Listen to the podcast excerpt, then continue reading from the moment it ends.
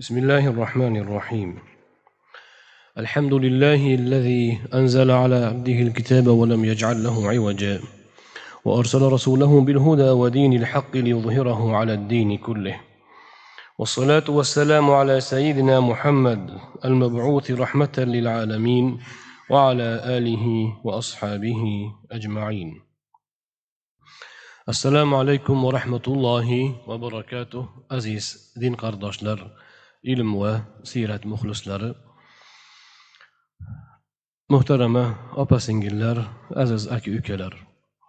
Alloh subhanahu va taoloning fazlu marhamati ila ashamail al muhammadiya rasululloh sollallohu alayhi vasallamning shamoillariga doir hadislarini o'rganib abu iso muhammad ibn iso at termiziy rahmatullohi alayhining kitoblaridan o'qib borayotgan edik.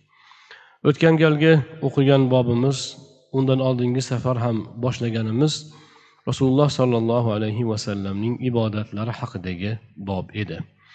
Bugun ushbu bobning demak kelgan joyidan suhbatni hadisni davom ettiramiz. Bugungi suhbatimizda inshaalloh agar vaqt sig'dirsa suhbatdan keyin bobni tugatgandan keyin tahajjudga doir ayrim ayrim ma'lumotlar va masalalarni ham inshaalloh e'tiboringizga havola qilishga harakat etamiz.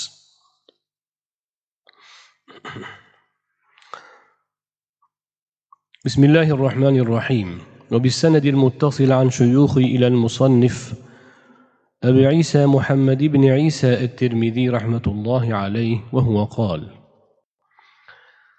حدثنا أبو بكر محمد بن نافع البصري حدثنا عبد الصمد عبد الصمد بن عبد الوارث عن إسماعيل بن مسلم العبدي عن أبي المتوكل عن عائشة رضي الله تعالى عنها قالت قام رسول الله صلى الله عليه وسلم بآية من القرآن ليلة.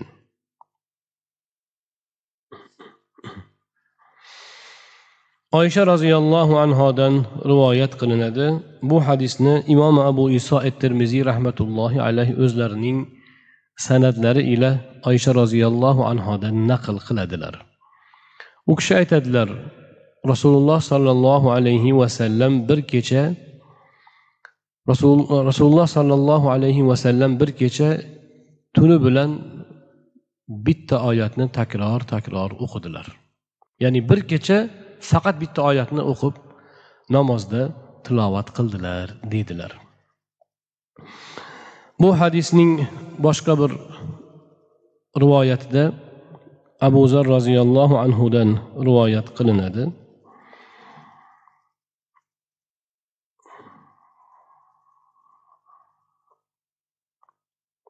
U kishi bir kecha mana shu bir oyatni qaysi oyat desa moida surasining moida surasidan iso alayhissalom nomidan aytilgan oyat.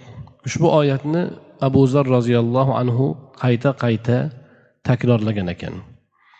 Shunda u kishidan so'rashgan ekan siz nega bu oyatni qayta qayta o'qiyapsiz deganda u kishi rasululloh sollallohu alayhi vasallam bir kecha kechasi bilan shu oyatni o'qigan edilar. Shu oyatni o'qib namozda qiyomda ham o'qidilar rukuda ham sajdada ham o'qidilar deganlar. Imomi bayhaqiy qilgan rivoyatda esa aytiladi men ey allohning rasuli siz tonggacha bitta oyatni takror qildingiz a dedim. Shunda u zot alayhissalotu vassalom dedilar men robbimdan ummatim uchun shafoatni so'radim. Olloh ijobat qildi. Ummatimdan shirk keltirmagan kishi borki shafoatim unga yetib boradi dedilar ushbu oyat qaysi oyat edi muayda surasidan iso alayhissalom nomidan iso alayhissalomni tilidan aytilgan oyat alloh subhanahu va taolo qur'oni karimda marhamat qiladi qiyomat kunida iso alayhissalomni olloh qaytib tiriltirganda so'rarkan أأنت قلت للناس اتخذوني عباد إلهين من دون الله أعوذ بالله من الشيطان الرجيم. وإذ قال الله يا عيسى ابن مريم أأنت قلت للناس اتخذوني وأمي إلهين من دون الله؟ يا عيسى سين أدم لرجع سلر الله نقول من وأنا من إله قلب ألين لر دجم مدين دب قيامات كن عيسى عليه السلام دان الله سورة كان شنو عيسى عليه السلام جواب بيرد قال سبحانك ما يكون لي أن أقول ما ليس لي بحق yo rob yo alloh men o'zim haqqim bo'lmagan narsani men gapirmayman gapirmaganman. Gapirishim mumkin ham emas. Nimani gapirgan bo'lsam agar shu gapni aytgan bo'lsam sen u bilar eding gapirmaganman bilasan o'zing.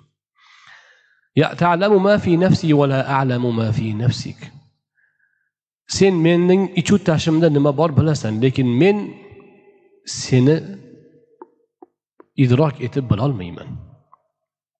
Ya'ni sen sening nazdingdagi ilmni sendagi bor ma'lumotni men bilolmayman yo rab.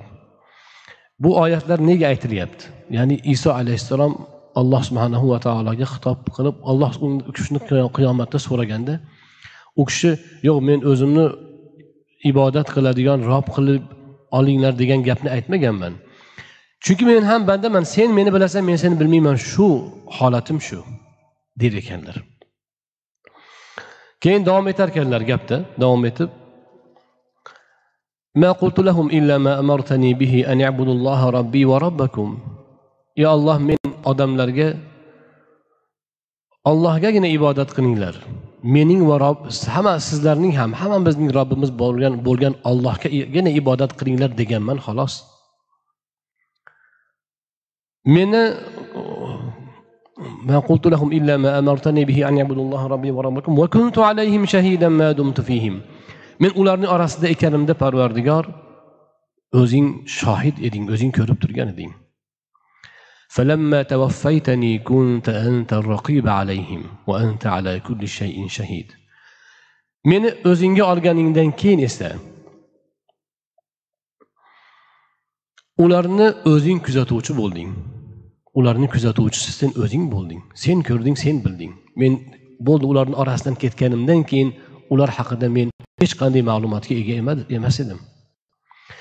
Ularni kuzatuvchisi emas edim. Ularni kuzatgan faqat sen o'zing bo'lding. Zotan sen hamma narsaga guvohsan hamma narsani bilib turasan. Deb turib ana endi undan keyin o'sha xitoblarida alloh subhanahu va taologa iso alayhissalom shunday iltijo qilar ekan yo alloh agar ularni sendan o'zgaga ibodat qilganlari uchun gunohlari uchun azoblasang o'zingni bandalaring o'zingni qullaring. Va in tag'fir lahum fa innaka antal azizul hakim. Agar ularni mag'firat qilsang sen aziz va hakim zotsan.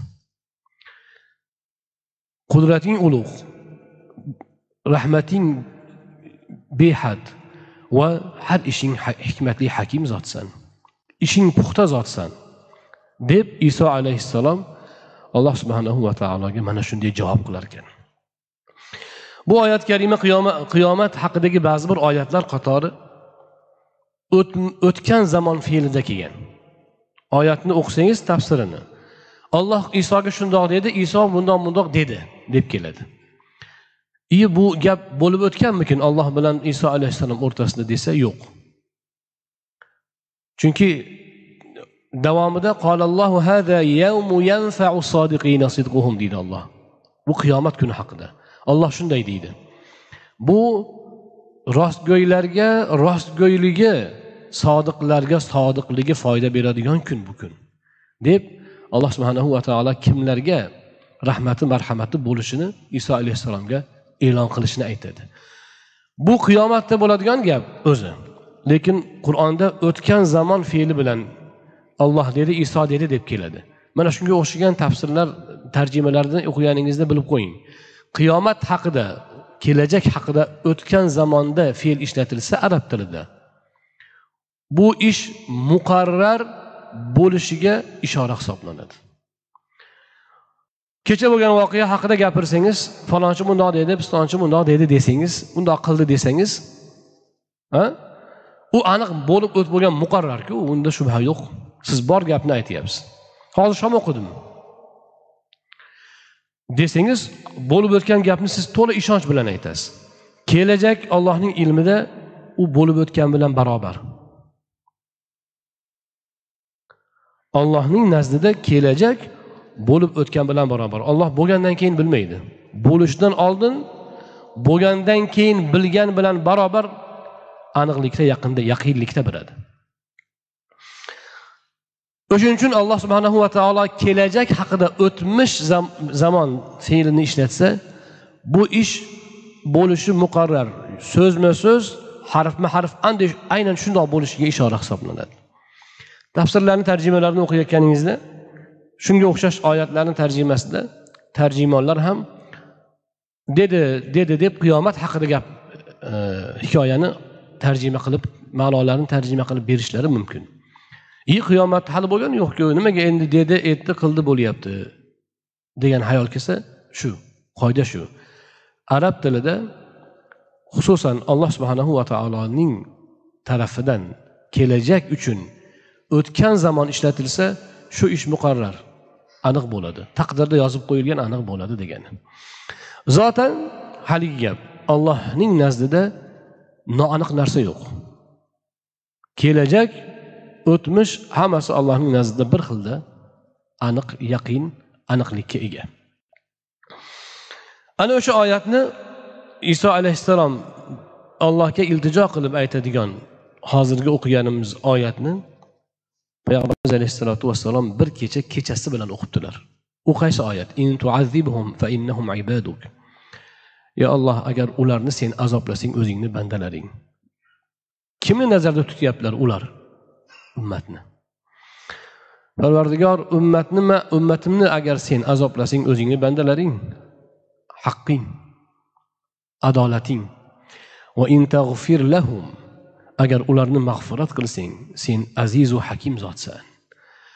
Deb oyatni o'qib kechasi bilan to'xtamasdan qaytaraveribdilar yig'laveribdilar yig'laveribdilar oyatni qaytarib o'qiveribdilar hadisning boshqa rivoyatlarida kelyapti. Mana imomi bayhaqiy va boshqalar qilgan rivoyatida kelyaptiki abu zar roziyallohu anhu rasuli akram alayhissalotu vassalomdan so'raganda ushbu oyatni takrorlashlari sababini. U zot alayhissalotu vassalom bu oyatni qayta qayta takrorlaganlari ummatlari uchun shafoat so'rash uchun bo'lgan ekan. Ummatlarni haqqiga shafoat so'rash uchun kechasi bilan yig'lab tonggacha mana shu duoni qayta qayta o'qiverdilar oysha roziyallohu anhu ham aytyaptilar bir oyatni rasuli akram alayhissalom tonggacha o'qidilar. Lekin oysha roziyallohu anhoning imom termiziy keltirgan rivoyatida u qaysi oyatligi aytilmagan. Lekin sharhlarda o'sha oyat abu zar roziyallohu anhudan rivoyat qilingan. Naqlda kelgani aytilyapti. Unga ko'ra shu moidadagi ushbu oyat. Parvardigor ummatni azoblasang o'zingni bandalaring. Ummatimni azoblasang bandalaring. Agar kechirsang sen azizsan hakim zotsan. Aziz degani ham ulug' degani ham quvvat egasi degani izzat egasi aytganini qiladi degani va shunga marhamatli degani.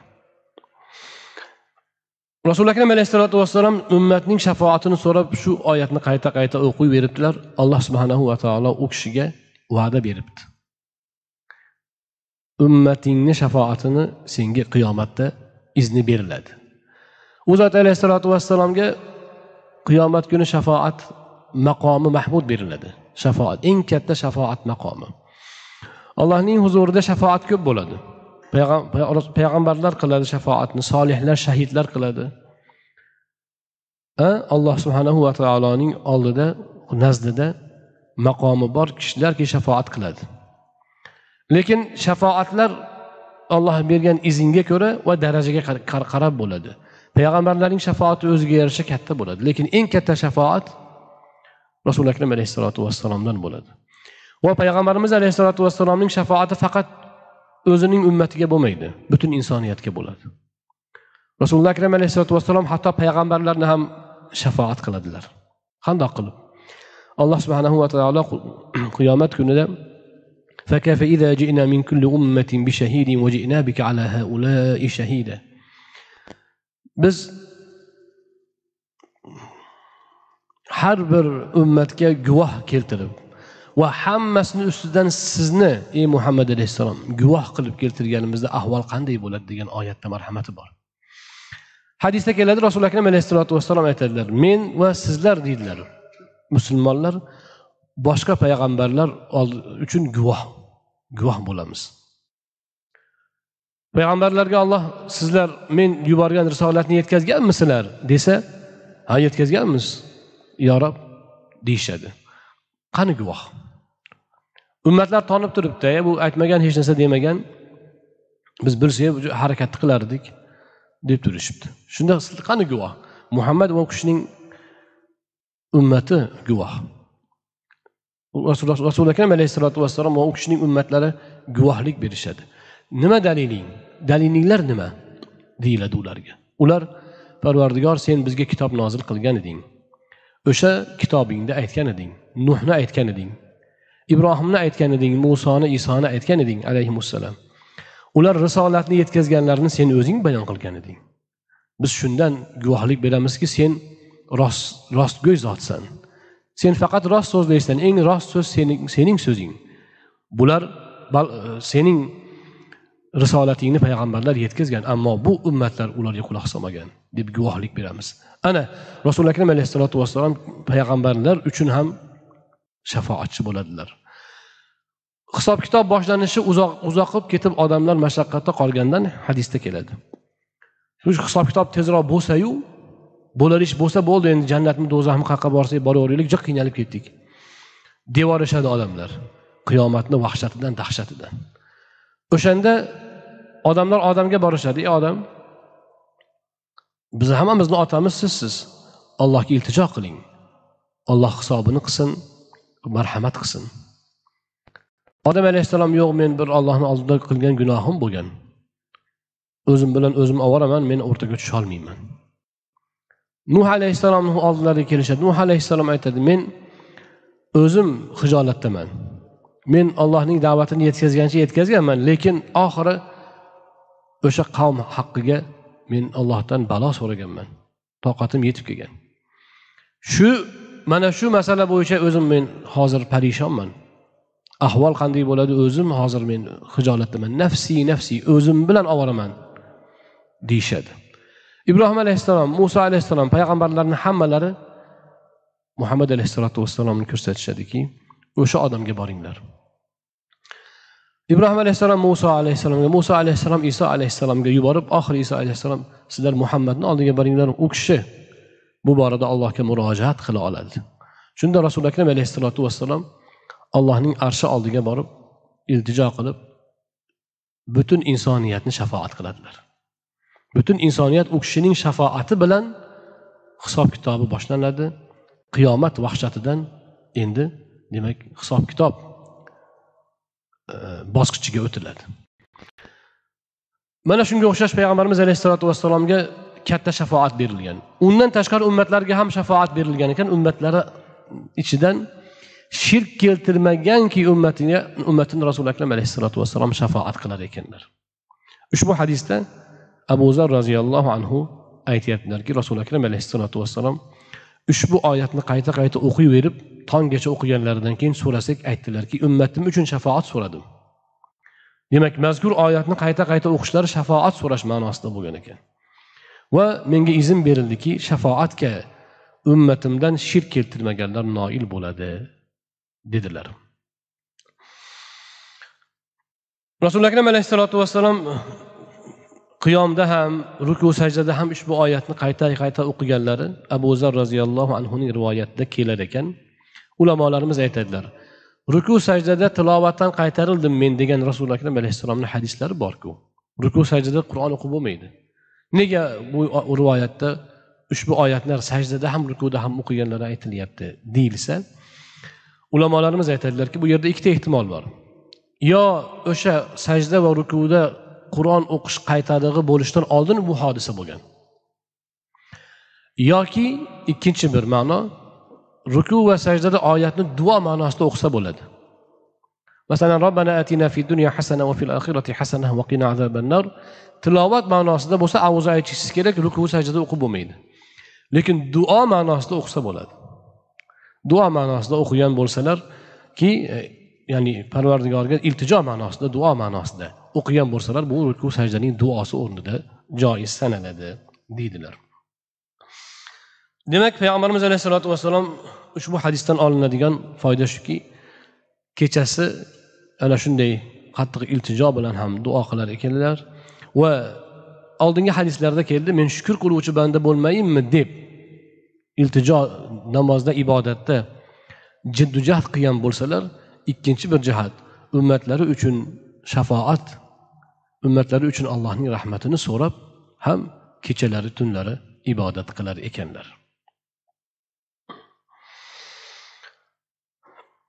نوبتك حديث حدثنا محمود بن غيلان حدثنا سليمان بن حرب حدثنا شعبة عن الأعمش عن أبي وائل عن عبد الله قال صليت ليلة مع رسول الله صلى الله عليه وسلم فلم يزل قائما حتى هممت بأمر سوء. قيل له وما هممت به؟ قال هممت أن أقعد وأدع النبي صلى الله عليه وسلم. عبد الله بن مسعود رضي الله عنه دن رواية قلنا وكشايت أدلر بركة من رسول الله صلى الله عليه وسلم من أطلر ده u zot bilan namoz o'qidim. U zot namozda turaverdilar shunaqa uzoq qiyomda qiyomda shunaqa uzoq turdilarki hatto men yomon ishni o'ylab qoldim. Ya'ni yomon xayolga borib qoldim. Yomon ish qilishni qasd qilib qoldim dedilar. Shunda u kishiga nimani qasd qilib qoldingiz? Nima xayolga bordingiz? deyishdi. Shunda u kishi aytdilar abdulloh ibn masud roziyallohu anhu. O'tirib rasululloh sollallohu alayhi vasallamni tark etishni hayollab qoldi. Ya'ni payg'ambarimiz alayhissalotu vassalom shunaqa uzoq turdilarki men endi o'tirib o'tirib olaversammikin? Yoyinki namozni buzib ketsa olib ketaversammikin? degan hayolga borib qoldi deydilar. Abdulloh ibn masud roziyallohu anhu e, sahobalar ichida muhtaram azizlar eng peshqadam sahobalardan hisoblanadilar. U kishi makkada rasuli akram alayhissalotu vassalomning payg'ambarliklarining ilk bosqichlarida musulmon bo'lganlar va rasululloh sollallohu alayhi vasallamning uylarida shunchalar uzoqga yaqin edilarki boshqa sahobalar aytadi. Biz dastlab musulmon bo'lganimizda boshqa yamandan u joydan bu joydan kelgan sahobalar aytadi. Biz kelib makkada rasululloh sollallohu alayhi vasallamning huzurlarida musulmon bo'lganimizda ibn masudning payg'ambarimizni uylariga ko'p kirib chiqib ko'p u zotning uylarida bo'lganidan uni ahli bayt deb o'ylar edik ya'ni rasululloh akram alayhissalomni qullarimi ukalariga bir jiyanlarimi shu ahli bayt bo'lsa kerak deb o'ylardik. Bilsak u begona odam ekan o'zi asli. Lekin rasulullohni oldilarida ko'p birga bo'lgandan ana shundoq xayolga borishgan. Ana shunday sahobiy. Rasululloh akram alayhissalotu vassalomning og'izlaridan yetmishta surani rasulullohni og'izlaridan bevosita o'rgandim deganlar. Payg'ambarimiz alayhissalotu vassalomning lafzlaridan qur'onni o'rgangan sahobiy. Payg'ambarimiz alayhissalotu vassalom kim qur'onni olloh nozil qilgan tarovatda nozil bo'lgandek aynan o'sha yangi tarovatida o'qishni istasa ibn umum e, ibn umu abd ibn masudning qiroatida o'qisin deb maqtagan odam. Qiroati qur'onni qiroati degani bu namoz bilan bo'ladi. Odatda sahobalar ko'proq namozda qur'onni takror qilishgan. Ana shunday odam yana ibodatda peshqadamligidan rasululo akram alayhissalotu vassalom u kishini maqtaganlar. Xurmoga chiqqanlarida boldir ingichka bo'lgan ekan. O'zi nozik kichkina odam bo'lgan ibn masud roziyallohu anhu. Nozik kichkina jussali odam bo'lgan ekanlar. Xurmoga chiqqanda boldirlari nozikligini ko'rib sahobalar kulgan. Boldirlari haligi shaklsiz ingichka boldir bo'lib bo'ladiku shunga o'xshagan boldir ekanda shunda rasuli akram alayhissalom aytganlar buning boldirini ko'rib kulmanglar. U uning boldiri uhud tog'idan og'ir turadi ollohni nazdida deganlar. Ana shunday maqtovlarga ega sazovor bo'lgan zot ibn masud roziyallohu anhu rasululloh alayhissalotu vassalomning uzoq tik turganlaridan namozda o'tirib olaymikin deb qolgan ekan. Hani huni odam emas kecha namoz boshlagan bugun besh to'rt rakat namoz o'qib qo'yib o'zini juda namozxon bo'lib yuborib turgan odam emas siz bizga o'xshagan dangasa odam emas. O'zi shundoq ham o'zi uzoq namoz o'qiydigan odam. Lekin shu kishi ham rasululloh sollallohu alayhi vasallamning qiyomlari uzoqligidan ana shunday charchab ketgan ekanlar. U kishi payg'ambarimiz alayhissalotu vassalom tik turib namoz o'qib tursa orqasida o'tirib namoz o'qishi hayoliga kelishini yoinki bir yo'l namozdan chiqib ketishini yomon ish deb atayapti. Yomon hayol yomon narsa hayolimga kelib qoldi deyapti holbuki joiz o'zi. Naflku nafl iqtido qilish vojib farz emas. Toliqib qolsa salom berib chiqib keyin qazosini o'qib olsa bo'ladi. Lekin rasululloh sollallohu alayhi vasallam bilan namoz o'qish bu buyuk baxti yo'qku boshqa joyda. Shu bilan birga rasululloh sollallohu alayhi vasallamga ular ergashishga shunchalar qadamma qadam ergashishar ediki u zot alayhissalotu vassalomda sunnatda mustahabda ham ergashishdan to'xtashni yomon ish deb bilishar edi. Kattalarimizda shunaqa gap bor edi. Bilarmidingiz mana hammamiz eslaymiz. Yomon bo'ladi degan gap bor. Yomon bo'ladi yomon ish. O'zi oddiy odob bo'lishi mumkin lekin aytilayotganda yomon ish yomon odob deb tushuntiriladi. Nega? O'shandan hazir bo'lishni kuchaytirish uchun. Hozir bizda teskari bo'lib qo'ygan. Ancha muncha makruh bo'lsa makruhu harom emas u. u haromgacha bo'ldi ketilaveradi. Toppa toza harom bo'lsa keyin ishonib qaytiladi uni buyog'ida bo'lsa ixtilofli harom ekan deb ham ketilaveradi. Bu taqvoning sustligi bo'ladi. A sahobalar esa rasululloh sollallohu alayhi vasallamga ergashishda o'sha mustahab keyinchalik mustahab sanalgan amalda ham ortda qolishni yomon ish deb bilishgan. Joiz bo'lsa ham. Mana hozir bir kishi kelib so'radilar namoz jamlasa bo'ladimi? Shomdan keyin xutonni o'qib olsam bo'ladimi? Musofir odam jamlasa bo'ladimi? Ba'zi boshqa mazhablarda bor jamlash. Lekin bizni mazhabda demak faqat arofotda va muzdalifada namoz jamlanadi. Joizlikni istayapmiz. Joiz joizlarni qidirib yuramiz. Shunaqa qilsa ham joizmikin shunaqa qilsa ham joizmikin. Bu azimatni ziddi. Bu bu bu holat borib borib insonni haromga ham jur'atli bo'lishi farz vojibga ham beparvo bo'lishiga olib keladi. Shuning uchun joizlarni hammasini olish insonni fosiq qiladi. Hamma joizlarni yig'ib qo'ysangiz fosiq bo'lasiz. Joiz ekan deb qilavermaydi balki inson mo'min kishi azimatga qarab yurishi kerak. Shuning uchun sahobalar amallarni farz vojib deb ajratib o'tirmasdan imkon qadar amal qilishga uni ado etishga harakat qilgan ekanlar.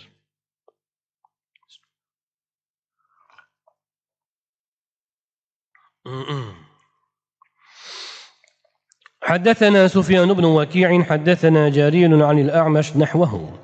boshqa bir san'at bilan imomi termiziy ushbu hadisni boshqa bir san'at bilan ham naql qilinganini aytmoqdalar حدثنا إسحاق بن موسى الأنصاري حدثنا معن حدثنا مالك عن أبي النضر عن أبي سلمة عن عائشة رضي الله تعالى عنها.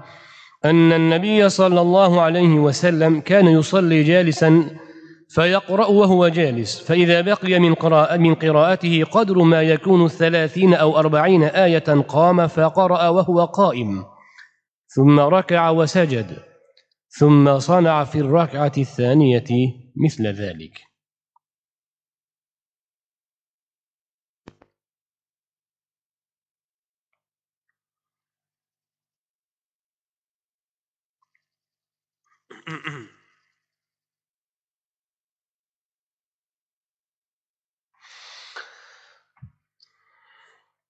Oysha roziyallohu anhodan rivoyat qilinadi.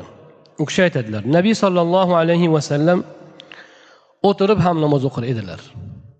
Ya'ni naflni o'tirib ham o'qir edilar. Qiroatlaridan qiroatlaridan o'ttiz qirq oyat chamasi qolganda turib qolgan o'sha o'ttiz qirq oyatni o'qib tik turgan holatdan keyin rukuga borib keyin sajda qilardilar.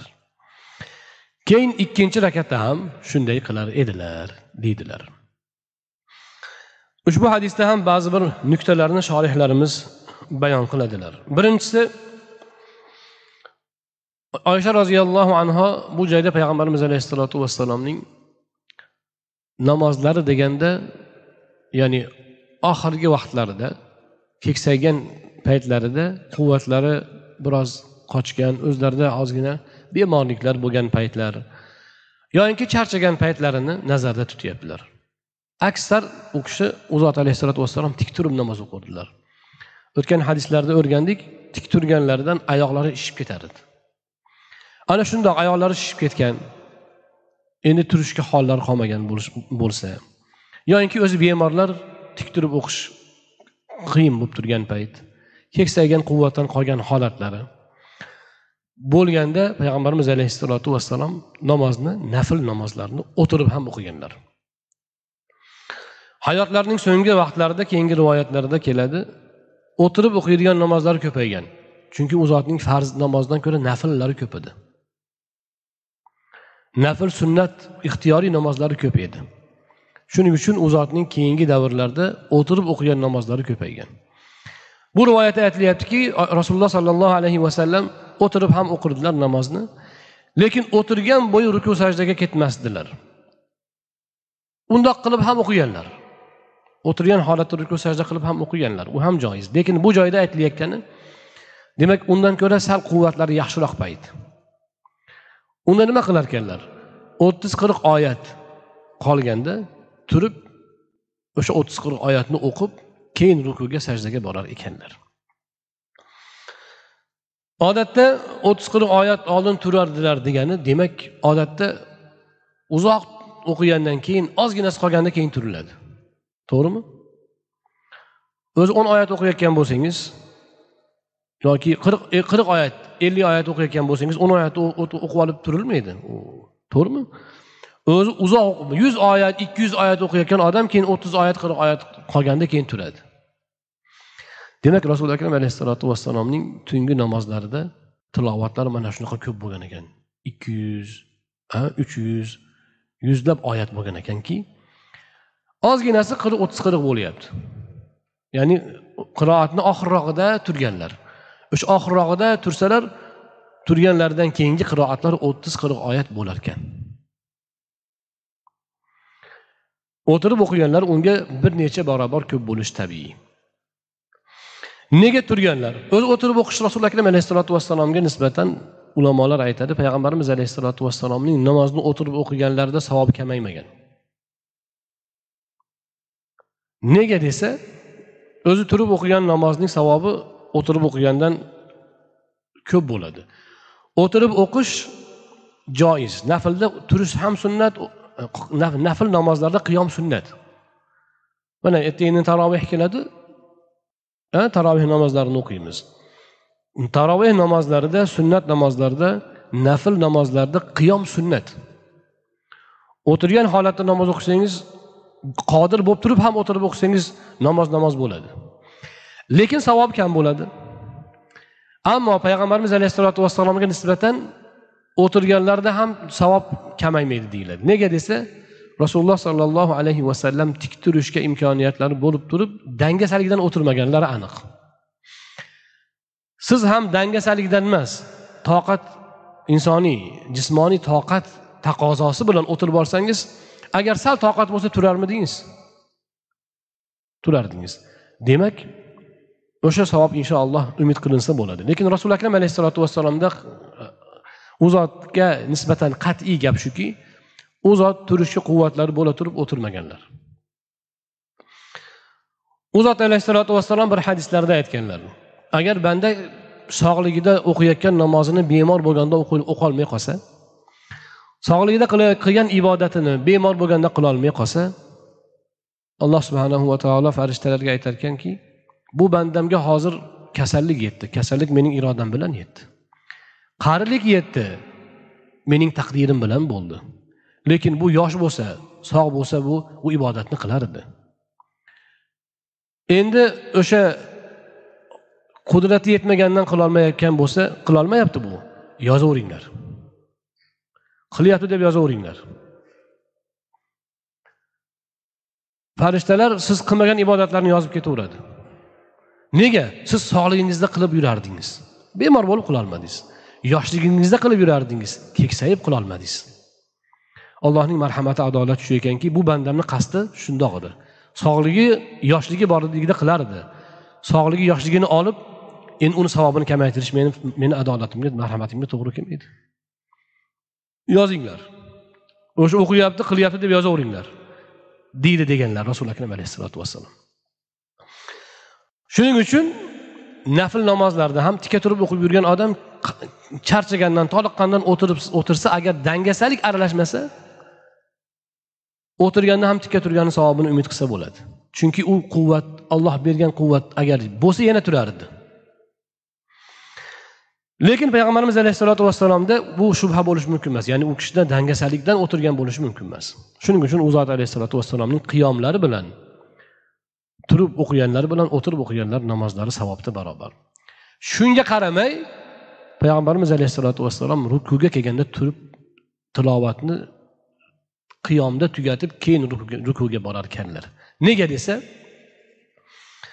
rukuga borish egilishku ta'zim. O'tirgan holatda egilsangiz ruku qilsangiz o'sha ta'zim bajo topadimi? Yo'q. Shundoq ham o'tiribsizku siz egilib qo'yasiz xolos. Lekin turgan bo'lsangiz unda qaddingizni bukasiz. Bunda ta'zim yuqori bo'ladi. Payg'ambarimiz alayhissalotu vassalom ta'zimni o'sha tugal shaklida qilishga intilganlaridan rukudan sal oldin turib bir necha oyatni turib o'qib keyin rukuga borar ekanlar. Biz ham andijonda o'zimiz ustozlarimizda mana shu narsani ko'rganmiz. Qur'ondan bizga dars bergan badriddin qori akamiz ustozimiz yana boshqa ustozlarimiz alloh o'tganlarini rahmatiga olsin. Tarovehlarda besh bora uch bora sakkiz bora o'qilar edi xatmlarda bir kunda masalan o'n pora kamida o'qilar edi yo besh pora o'n pora o'qilar edi. Endi rakatiga yarim pora bir pora ba'zida ba'zida ikki uch pora o'qishga to'g'ri kelib qoladi. Chunki ba'zi yosh qorilar ozroq o'qiydi. Masalan yarim porani ikki rakatga o'qib bersa o'zi yigirma rakatku ketdi haligi sizni haqqingizni yeb ketadi. Keyin yaxshiroq o'qiydigan qori iloji iloji yo'q ko'proq o'qish kerak endi rakatiga. Masalan bir poradan ikki poradan uch poradan o'qish kerak bo'ladi. Yoki shunga o'xshash yarim poradan yarim pora o'qigan taqdirda ham uzoq. Ya'ni dona dona o'qisangiz yarim yigirma daqiqa o'n besh yigirma daqiqa taxminan turish kerak. Hollari kelmasa o'tirishar edida ustozlar. Keyin o'sha rukuga borishimiz yaqin qolgan paytda turib oxirgi besh o'n oyatni tika turib eshitib keyin rukuga borib sajdani qilib yana qaytib o'tirish o'tirgan holatda e, ikkinchi rakatni davom ettiraveradi. Keyin ikkinchi rakatning oxirgi oyatlariga yaqinlashganda yana turib bir necha oyatni eshitib keyin rukuga borishar edi. Mana sunnat ekan bu. Rasululloh sollallohu alayhi vasallam mana shundoq qilar ekanlar. Biz ham mana taroveh namozlari kelyapti. Bilib olishimiz kerak. Ko'p odam charchab qoldim deb chiqib ketaveradi. Charchab qoldim deb chiqib ketgandan ko'ra toliqqan bo'lsangiz o'tirib bo'lsa ham eshitgan yaxshi. Namoz. Tortinmang. Odamlar nima deydi men hozir e, o'tirib olsam deb tortinmang. Bir chekkaroqda o'qing o'tirib eshitavering. Agar jismonan shunga tika turishga quvvatingiz yetmasa ya'ni toliqqan bo'lsangiz chiqib ketgandan o'tirib bo'lsa ham eshitib iqtido qilib o'sha savobni xatmni topgan yaxshi. Xatmni namozda tinglash boshqa masala. Bu alohida ajr alohida savob bu. Alohida maqom. Payg'ambarimiz alayhissalotu vassalom shu mana shu yuzlab oyatni namozsiz o'qisa bo'lmasmidi? Namozsiz o'qisa yigirma o'ttiz oyat qirq oyat oldin turish degan gapga ham hojati yo'q o'tirib o'qilaveradi. Necha oyat o'qisa ham to'g'rimi? Lekin namozdagi savob yo'q unda. Namozdagi quvvat namozdagi savob namozdagi daraja u buyoqda o'qigan tilovatga yo'q. Shuning uchun rasuli akram alayhissalotu vassalom namozda o'qir edilar o'sha tilovatlarni imkon qadar. Keyin mana qorilar mutaxassislik jihatidan kelib aytadigan bo'lsam ya'ni qorilik mutaxassislik jihatidan aytadigan bo'lsak qur'on yodlayotgan bo'lasiz yo qaysidir suralarni yodlayotgan bo'lasiz hammamizda ham bo'lishi mumkin. Qorilar xususan qur'onni pishirmoqchi. Namozda o'qilgan tilovat boru namozdan tashqarida o'qiganingizni kamida o'ntasini o'rniga o'tadi bitta o'qiganingiz. Bitta namozda bitta o'qib qo'ying bir betni. Bugun yodlagan bir betingizni yoki yarim betni namozda bitta o'qingda namozdan tashqarida o'nta o'qigandan ko'ra hifzga quvvati baland bo'ladi. Ayniqsa mana ramazonda xatmiga o'tadi qorilar hammamiz ham qorilar xatmiga o'tamiz. Ayniqsa katta jamoatda xatmiga o'tganda nihoyatda zo'r quvvat bo'ladi. Bamisoli orqangizda yuzta odam tursa bitta o'qisangiz go'yo bir yuzta sanagandek quvvat beradi. Ana shuni mana shu demak hifz jihatdan ham hifz jihatdan ham namozda tilovat qilish nihoyatda foydali. Qur'on yodlayotganlar bo'lsa masalan bir kunda besh qator yarim bet yodladingiz kuni bilan siz sunnat namoz farz namozga shuni o'qiveringda ertaman yodlab qo'ying yarim betni bomdoddan oldin. Keyin bomdodga o'qing. Bir oyat ikki oyat butun o'qib qo'ysangiz bo'ldi qolganiga adashib qolsangiz ham mayli allohu akbar deb tushib ketaverasiz. Turib keyin yana ikki oyat o'qib qo'yaverasiz bo'ladi. Namoz namoz bo'ladi. Endi sunnatlarda juda bemalol. Sunnatlarda. Bir kunda necha rakat sunnat o'qiymiz? Kamida o'n ikki rakat sunnat o'qiymiz. To'g'rimi? Yana farzlar bor.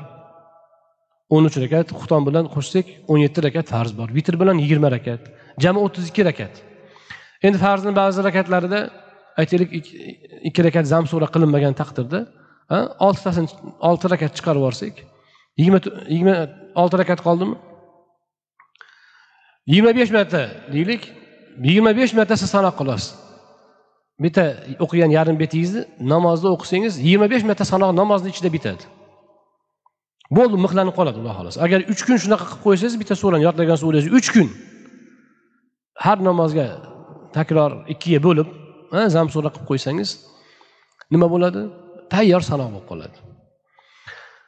Demak mana shu namozda o'qishning fazilati alohida. Tarobehlarda ham shu. Tarobehda ham tinglash. Ya'ni tinglaganda namozda tinglash boshqa. Ba'zilar aytadi men deydi telefonda ham eshitib qo'yaveraman deydi. Telefonda u savobi yo'q u quvvati yo'q u daraja yo'q. Hmm? mana shuni demak taroveh namozi kelyapti bilib olishimiz kerak masalasini. Chiqib ketgandan ko'ra o'tirib bo'lsa ham tarovehni o'qib ado etgan afzal. Uyda ham shu. O'tgan yili shunaqa bo'ldi. Yoshi katta odamlar biz endi yigirma rakat o'qimaymizda deydi. Gaplashib o'tirasizmi? Soatlab ha o'tiramiz. Bo'ldi o'tirib o'qiyvering gaplashishdan oson. Namoz gaplashishdan oson. Insonga sukunat bo'ladi ruhiy quvvat bo'ladi gaplashishdan oson. Yigirma rakatda o'tirib o'qisa masalan yosh keksa odam o'ynab kulib yarim soatda o'qib qo'yadi. Lekin sunnat ado bo'ladi. Mana buni bilib olishimiz kerak. Yo endi biz yigirma rakat o'qimaymiz qariganmiz charchaganmiz deb to'rt rakatdan keyin ikki rakatdan keyin bo'ldi non choyga o'tib ketmasdan o'tirib bo'lsa ham o'qib qo'yish kerak sunnat ado topadi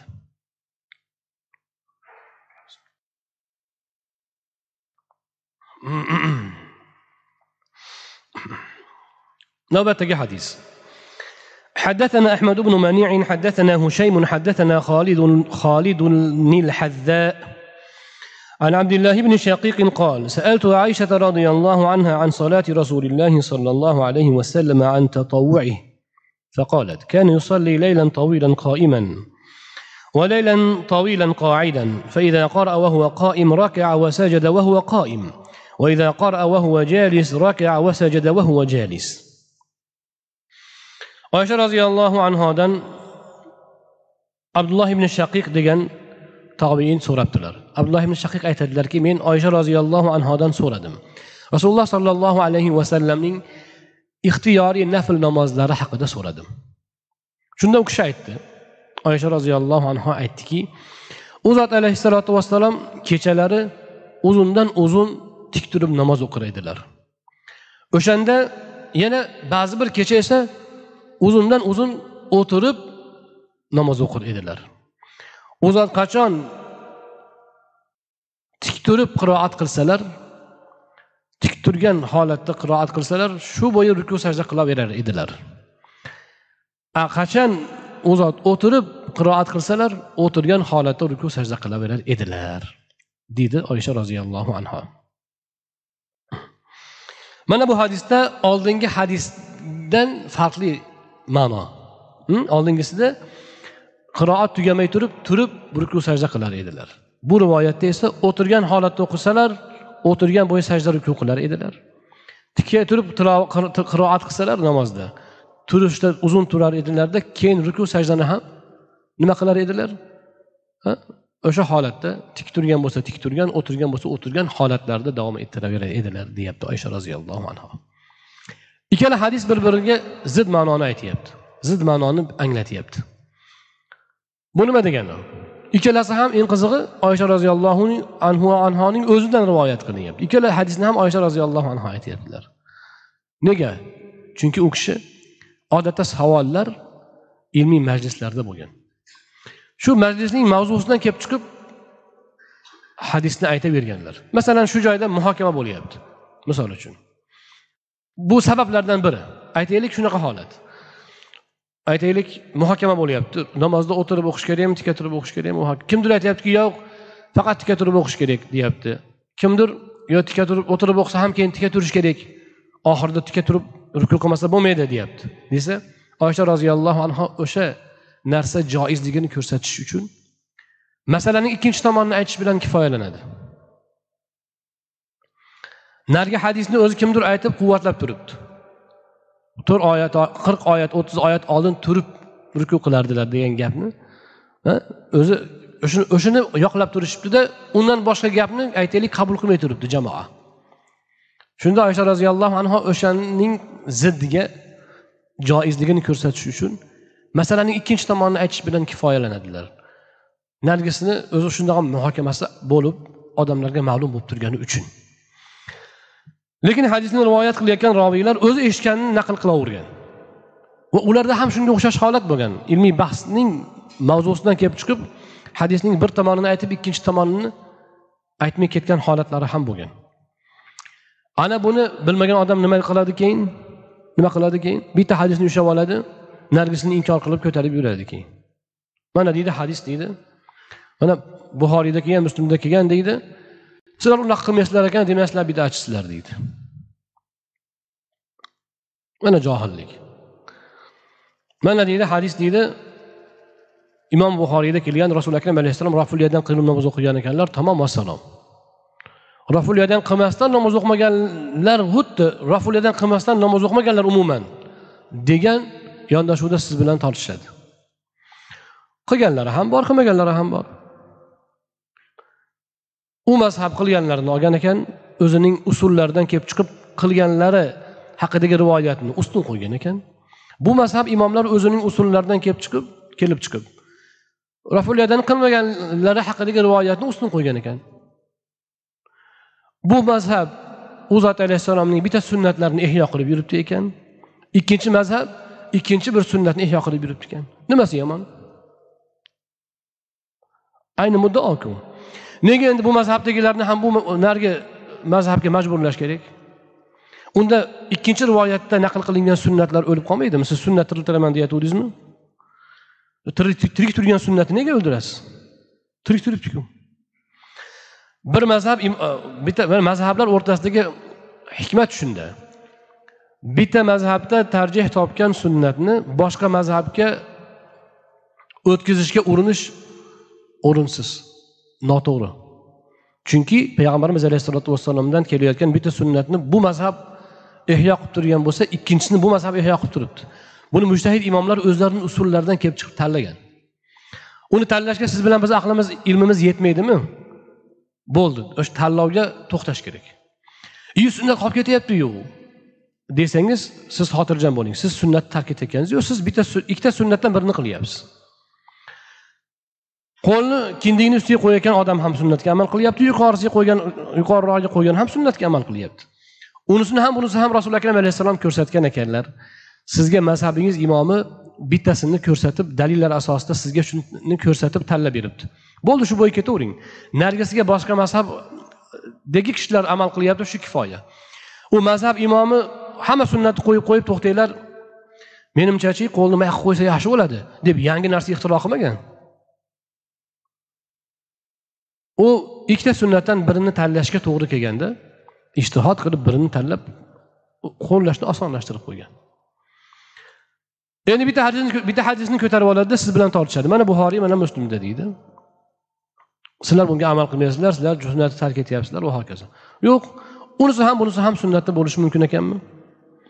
Mana hozirgi o'qigan ikkala hadisimiz bir biriga teskari ma'noni aytyapti. Bu nima degani ikkalasini ham rasuli akram alayhissalotu vassalom joizligini ko'rsatib berganlar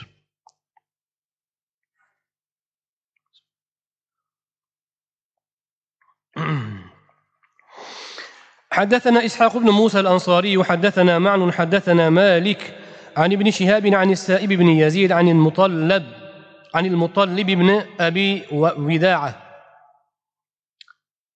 عن المطلب ابن أبي وداعة السهمي عن حفصة زوج النبي صلى الله عليه وسلم. قالت كان رسول الله صلى الله عليه وسلم يصلي في سبحته قاعدا ويقرأ بالسورة ويرتلها كان حتى تكون أطول من أطول منها. نبي عليه الصلاة والسلام جفتها حلالة حفصة رضي الله عنها دان رواية قلنا أي تدلر رسول الله صلى الله عليه وسلم nafl namozlarini o'tirib o'qiyverar edilar. Va u namozda surani zamsura qilar ekanlar uni dona dona qilib nihoyatda maromiga yetkazib tilovat qilar edilar. Hatto namozlari uzundan uzun bo'lib qiroatlari uzundan uzun bo'lar edi. Ya'ni nabiy alayhissalotu vassalomning namozlarining hay'atini kuzatsangiz qiyom uzoq bo'lgan. Qur'on uzoq bo'lgan. Nega desa maqsad o'zi ko'proq qur'on o'qish. Va allohning huzurida turib qur'onni ana shunday uzun uzun o'qish. Jamoatga yengilroq o'qib berganlar. Odamlarni rioyasini qilib hm, ayollarni bolalarni rioyasini qilib yengilroq o'qib berganlar. Lekin o'sha yengil ham haligi biz biz odamlar talab qiladigan faqat bir qatorli ikki qatorli sura emas kattaroq suralar ham o'qilgan. Masalan shomda vatturini o'qiganlar. Biz hozir shomda vatturini o'qisak odamlar bizni toshbo'ron qilib yuborsa kerak. Hamimlarni o'qiganlar shomda hamimlarni o'qiganlar. U kamida ikki varaq ikki varaqli suralar. Bizda haligi hadislarni noto'g'ri tushunib foydasiga ishlatish bor. Rasuli akram alayhissalotu vassalom jamoatga qisqa qisqa suralarni o'qinglar deb o'shanda ham sabbih talani aytganlar. O'sha hadisda ham. Mana payg'ambarimiz alayhissalom qisqa qisqa suralarni o'qinglar degan ekanu inna atoyna qul huvallolar turibdiyu deyishadi. Inna atoyna qul huvalloh bilan ham namoz durust bo'ladi. Uni ham rasuli akram alayhissalom zamsura qilganlar. Lekin doim faqat inna atoyna alam tarkafi bo'lmasligi kerak. Namoz jamoat namozlari ham kattaroq kattaroq suralar bilan o'qilishi kerak baraka topgunlar namoz namozli bo'lishi kerak. Ha tungi namozlarda ham shunaqa. Tungi namozda endi ixtiyoriy o'zingiz uzundan uzun suralarni tilovat qilsangiz bo'laveradi. Mana rasuli akram alayhissalotu vassalom tungi namozlarda uzun o'qir ekanlar va dona dona o'qir ekanlar hafsa roziyallohu anhu aytyaptilarki payg'ambarimiz alayhissalotu vassalom tungi namozda tilovat qilardilar. Dona dona qilib uzundan uzun bo'lib ketardi taroveh namozi tungi namoz.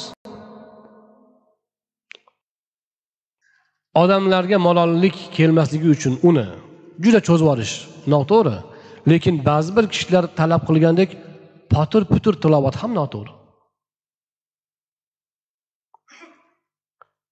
Namozni halovati yo'q. Mana men o'zim ba'zi masjid biz endi ollohni fazli bilan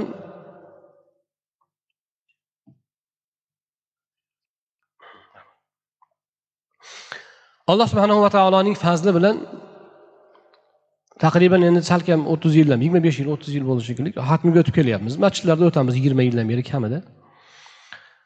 Ba'zi bir masjidlarda haligi oddiy odamlar qolib jamoat masjidni mutasaddilari ham namozga o'ta dangasa. Tilovatni xatmlardagi tilovatni jamoatni malollantirmaslik demak qoidasiga ko'ra me'yorda o'qish kerak. Fuqarolarimiz ulamolarimiz ta'kidlaydilar lekin qiroat qiroatning qoidalariga halal bo'lmasligi kerak. Uning tarovatiga halal bo'lmasligi kerak. Tungi namoz ixtiyoriy namoz maza qilib o'qish kerak maza qilib eshitish kerak. Yo'q unaqa emas. Bo'lchi bo'l o'qichi o'qi salom berishingizga tez tez qaning tez tez qaning tez tez qaning deb turadiganlar bor. Bu sunnatga zid bu. Mana masjidlarni qaysi bir masjidda taroveh namoziga kirgandan keyin xutondan keyin eshik yopib qo'yiladi. Bormi shunaqa masjid? Qamab qo'yib bo'ldi. Endi yigirma rakat tugagandan keyin chiqasan degan majburiyat bormi? Yo'q. Charchagan ketaversin to'rt rakatdan keyin. o'n rakatdan keyin ketsin. Sunnat u. Sunnat ixtiyoriy ibodat ham bo'lishi kerakmi? Farz ibodatlar allohga yaqinlashtiradi lekin nafl nega hadisda keladi. Bandam nafl o'qib menga yaqinlashib yaqinlashib kelaveradi men uni yaxshi ko'rib qolaman deganlar. Nega? U farzni siz o'qimasam men gunohkor bo'lamanda deb o'qiysiz. Lekin sunnat naflnichi uni shavq bilan o'qiysiz. Mana bu boshqa maqom bu. Bu boshqa maqom. Biz odamlarimiz tushunchasi noto'g'ri bo'lib qo'ygan shu hamma yo'lni farz desangiz keyin qiladi. Farz vojib farz vojib. Yo'q baraka topgir shariat xohlasa hammasini farz qilib qo'yar edi. O'sha ellik vaqtni olloh xohlasa ellik vaqt bo'yi farz qilib qo'yar edi. Lekin qolganiga ixtiyoriy qilib berdi. Nega? Ibodatni shavq bilan qilishni o'rganing. Ixtiyoriy muhabbat bilan o'zingizni fidokorligingiz bilan ham ibodat qiling baraka topgir faqat do'zaxdan qo'rqib nima bo'lsa ham shu farz vojib ekan qilmasak bo'lmaydi ekan qilib namoz o'qish bu noto'g'ri kayfiyat bu. Taroveh ham sunnat lekin u alloh subhanahu va taoloning huzurida turish. Namoz allohni huzurida turishmi? Rasuli akram alayhissalom aytganlar qaysi biringiz namozga kelsa hushyor bo'lsin. Chunki u olloh bilan yuzma yuz turibdi deganlar. Olloh bilan yuzma yuz turish sharaf emasmi? Sharaf emasmi? Baxt emasmi? Ulamolarimiz aytadilar siz bu dunyoda allohning huzurida zo'r turib qo'ying oxiratda ollohni huzurida savol javobda turmaysiz. U yerda ish oson bo'ladi. Bu yerda qiyomni turishni qoyillatib qo'ysangiz inshaalloh u yoqda ish oson bo'ladi. Taroveh namozi sunnat namoz farz emas. Badan toliqib charchagan bo'lsangiz masalan hammaning sharoiti har xil. Kunduzi mehnat qilgan odam bo'lishi mumkin. Majburlash yo'q. Lekin to'rtta odamning charchog'ini deb nega hammaning halovati buzilishi kerak? Birinchidan charchaganlar o'tirib olishi mumkin. Unda unga ham yaramasa chiqib ketishi mumkin. Lekin shularni deb nega hammaning tilovati qorining tilovati buzilishi kerak? Nega tajvidni oyoq osti qilish kerak? Nega boshqalar qur'onni eshitib maza qilish baxtidan mosuvo bo'lish kerak? Nega? Hammani malollantirish noto'g'ri. Lekin besh to'rtta charchaganni malollantirish malollantirish deyilmaydi. U besh to'rtta odam o'zi charchagan ular. Yoki o'zi dangasa to'rtta dangasani deb nega hammani halovati buzilishi kerak? Mana bu me'yorni ushlashimiz kerak. Ba'zi bir endi xafa bo'lmanglar biz masjidda unaqa odam yo'q ba'zi bir masjidlarni oqsoqollari bor. Ba'zi bir masjidlarda shunaqa oqsoqollar bor domla biladi. O'zi qariganda namoz boshlagan. O'zi buni bu yog'iga yigirma to'rt soat namoz o'qisa ham arziydi asli. Quvvati yetsa. Chunki u yoqda narusheniya juda ko'p. Lekin eng namozdan shoshiladiganlar shular bo'ladi. Shoshilsa mayli imomni ustidan yozadi. Bitta o'zini fikri yoki o'ziga o'xshagan yana bitta charchagan odamni fikri bosh ustiga. Muhtaram oqsoqollarimiz bosh ustiga. Kelyaptilar ajrlarini ko'paytirsin. Lekin yoshlar ibodatga quvvati bor siz ularni ibodatga xalaqit qilmang. Shariat sizga ruxsat bergan o'tirib o'qivering degan. O'tirib o'qing borib yozguncha oshi oson ha. O'tirib o'qivering endi juda o'tirishga ham yaramasangiz marhamat nafl bu sekin chiqib uyga borib to'rt rakatdan keyin sakkiz rakatdan keyin chiqib uyga borib dam olsa hech qanaqa malollik yo'q. Yo'q men tez tez o'qishim kerak menga sharoit bo'lishi kerak. Hamma mening demak jismoniy quvvatimga mos bo'lishi kerak. Nega men charchab qolyapman? Baraka topki siz siz masjidni hech bo'lmasa oltmish foizini fikrini olingchi nima deyapti? Mana masjidda hech bo'lmasa ellikdan o'tsin oltmish foiz odam agar malollansa bu bu maloli qavm bo'ladi. Lekin besh foiz to'rt foiz odam malollansa bu maloli qavm bo'lmaydi bu. Balki ularning sharoiti o'ziga xos. To'qson besh foiz odam shijoat bilan turibdi. Masalan yoshlar ibodat qilib maza qilgisi kelyapti qo'yib bering. Siz yoshligingizda qilgandirsiz maza qilib ibodat qilib olgandirsiz endi yaramayotgandirsiz hozir siz yaramasangiz ham haligi savob inshaalloh. Yoyinki agar yoshlikda ibodat qilinmagan bo'lsa siz qilmaganingizni bular qilaman deyaptikan qo'yib bering. Nima ular ularga xalaqit qilasiz? Xalaqit qilmang. To'rtta odam borib to'polon qiladi keyin butun hamma joyda gap so'z rahbariyatdan gap eshitgan hamma domla undoq bundoq tungi namozni o'zini kayfiyatini biz sunnatga muvofiq qo'yishib qo'yishimiz kerak. Keyin undan biz to'g'ri bahra olamiz. Chopa chop bo'l bo'l bunaqa bo'lmaydi bo'lmaydi unaqa. Unda tungi namozdan ko'zlangan maqsad yo'q. Besh mahal namozni shundoq o'qib yuribmizku. Xuton shundoq ham o'qilyaptiku har kuni. O'n ikki oy xuton o'qiyapmizmi? Nega endi xutondan yarim soat farqli taroveh bo'lishi kerak? Nega? Taroveh taroveh nomi bilan taroveh. U maza qilib o'qiladigan namoz u. maza qilib o'qiyman deydiganlar o'qiydigan lekin omma malollanmaydigan namoz shakli bu taroveh bo'ladi. Hammani malollantirish noto'g'ri. Lekin besh to'rtta charchagan odam hammaga hamma uchun qonun qoida bo'lmaydi. Ikkinchidan tarovehdan ko'zlangan maqsad nima? Shavqu zavq bilan allohni huzurida kalomini tilovat qilish va eshitish. Mana shu joyda o'tirganlar qaysi bir mana hozir emas tarovehda keladiganlarni aytaylik. Hammamiz ham kelamiz inshaalloh. Qaysi birimiz namozni o'zimiz xatm qila olamiz? Mana payg'ambarimiz alayhissalotu vassalom vahiyni qabul qilayotgan odam. Vahiyni yetkazayotgan odam. Yetmaydimi shu o'zi? Qur'onga xizmatga qur'onga bog'liqlikka shu o'zi yetib oshib qolmaydimi? Qaysi birimiz ollohdan biz qur'onni vahiy bilan qabul qilyapmiz? Jabroil alayhissalomni. Vahiyni jabroildan qabul qilayotgan hayoti qur'on bo'lib turgan odam mana shu zot tungi ibodatda yuzlab oyatlarni tilovat qilar ekanlar. Rakatiga. Rakatiga yuzlab oyat tilovat qilar ekanlar. Ho'p biz unaqa xatm qilolmas ekanmiz ro'zada ramazonda qori o'qib bersa nega shunga himmatimiz yetmaydi? Eshitishga. O'zi asli har bir musulmon odam robbi huzurida qur'onni mana shunday namozni o'qiy olishi kerak uzundan uzun. Juda o'ttiz pora o'qimasa ham bir rakatiga yasin bir rakatiga taborak bir rakatiga kafning yarmi ikkinchi rakatga ikkinchi yarmini o'qiydigan musulmon bo'lishi kerak asli musulmon jamiyatini vakillari. Yo'q u yo'q bizda hozir. Olloh qodir qilar. Ilm berar imkoniyat bo'lar himmat berar qilar. Lekin hech bo'lmasa eshitishga yarash kerakmi? Eshitishga inson himmat qilishi kerakmi? Ollohning huzurida siz ollohni kalomini tilovat qilib berishingiz bu mazaku bu endi uni qilolmadingiz. Hech bo'lmasa allohga yuzlanib o'sha tilovatni eshitsangiz bu baxtku bu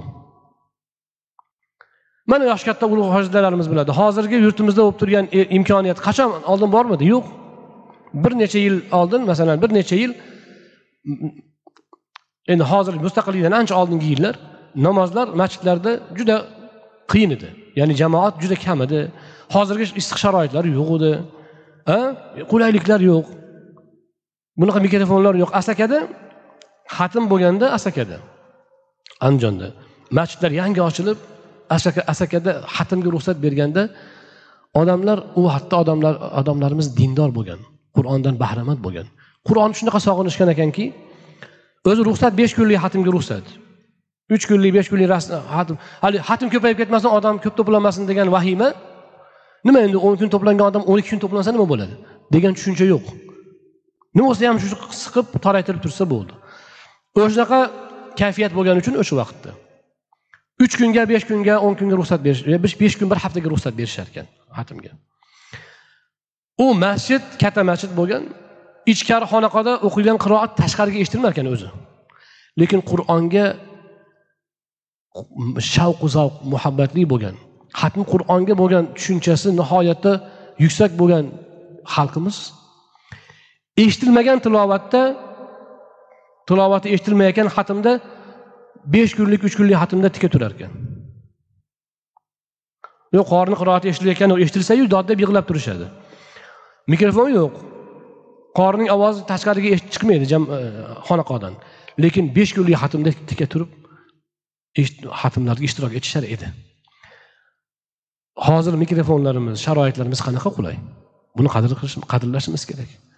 Maza qilib xatmlarni qilishimiz kerak. Va buni allohga yaqinlashish qurbat hosil qilish mavsumi deb qabul qilishimiz kerak. Taroveh o'qib qutulib oladigan namoz emas. Balki u shavqu zavq bilan istovchilar o'qiydigan namoz. Istamaganlarga to'rt tomoni qibla. Masjidni eshigi ochiq. Hech xavotir olmasdan sekin chiqib borib damni olsalar hech qanaqa qarshilik yo'q. Mana shundoq kayfiyatni biz demak qoyim qilishimiz kerak. Mana bu tungi namozning haqiqiy sunnatga muvofiq ko'rinishi hisoblanadi. Bu bob o'zi e, uzun bob edi. Kamiga e, izohlarimiz yana e, bobni yana ham uzaytirib yubordi. Allohni hikmati qalbga kelgan olloh ilhom qilgan gapni gapiramiz biz ham. va ba'zi hadislardagi istifodalarni qilib ketmaslik bu kitobda o'qishdan manfaat ko'ngildagidek bo'lmay qoladi shuning uchun biroz ba'zi bir izohlarimiz cho'zilganidan sizlarga cho'zilgani uchun sizlardan uzr so'raymiz va inshaalloh kelgusi suhbatimizda yana ushbu bobni davom ettiramiz alloh subhanahu va taolo hammalarimizga o'zi tavfiqini yor aylasin لك الحمد على كل حال وصلى الله على سيدنا محمد وآله وأصحابه أجمعين parvardi yora o'zing bu bo'layotgan suhbatlarimizni manfaatli qilgin. Elimiz yurtimiz hammamiz uchun foydali qilgin. Tungi namozlarga hammamizga alloh o'zining kuch quvvat himmat bergin. Alloh bu ibodatlar duolar barakotidan el yurtimizga o'zing rahmatingni fayzingni ziyoda aylagin.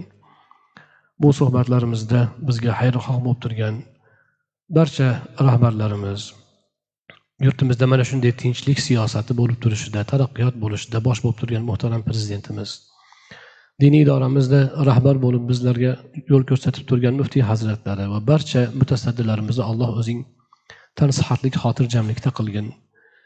O'zingni yo'lingda olib borayotgan mo'min musulmonlar manfaati uchun qilayotgan har bir ishlarda yo rob o'zing madadkor bo'lgin. O'zing muzaffar aylagin o'ylaganlardan yaxshi natijalarga erishtirgin va hammalarimizni alloh o'zing tavfiqda hidoyatda iymonda islomda sobit qadam ayla وصلى الله على نبينا محمد وآله وأصحابه أجمعين برحمتك يا رحمة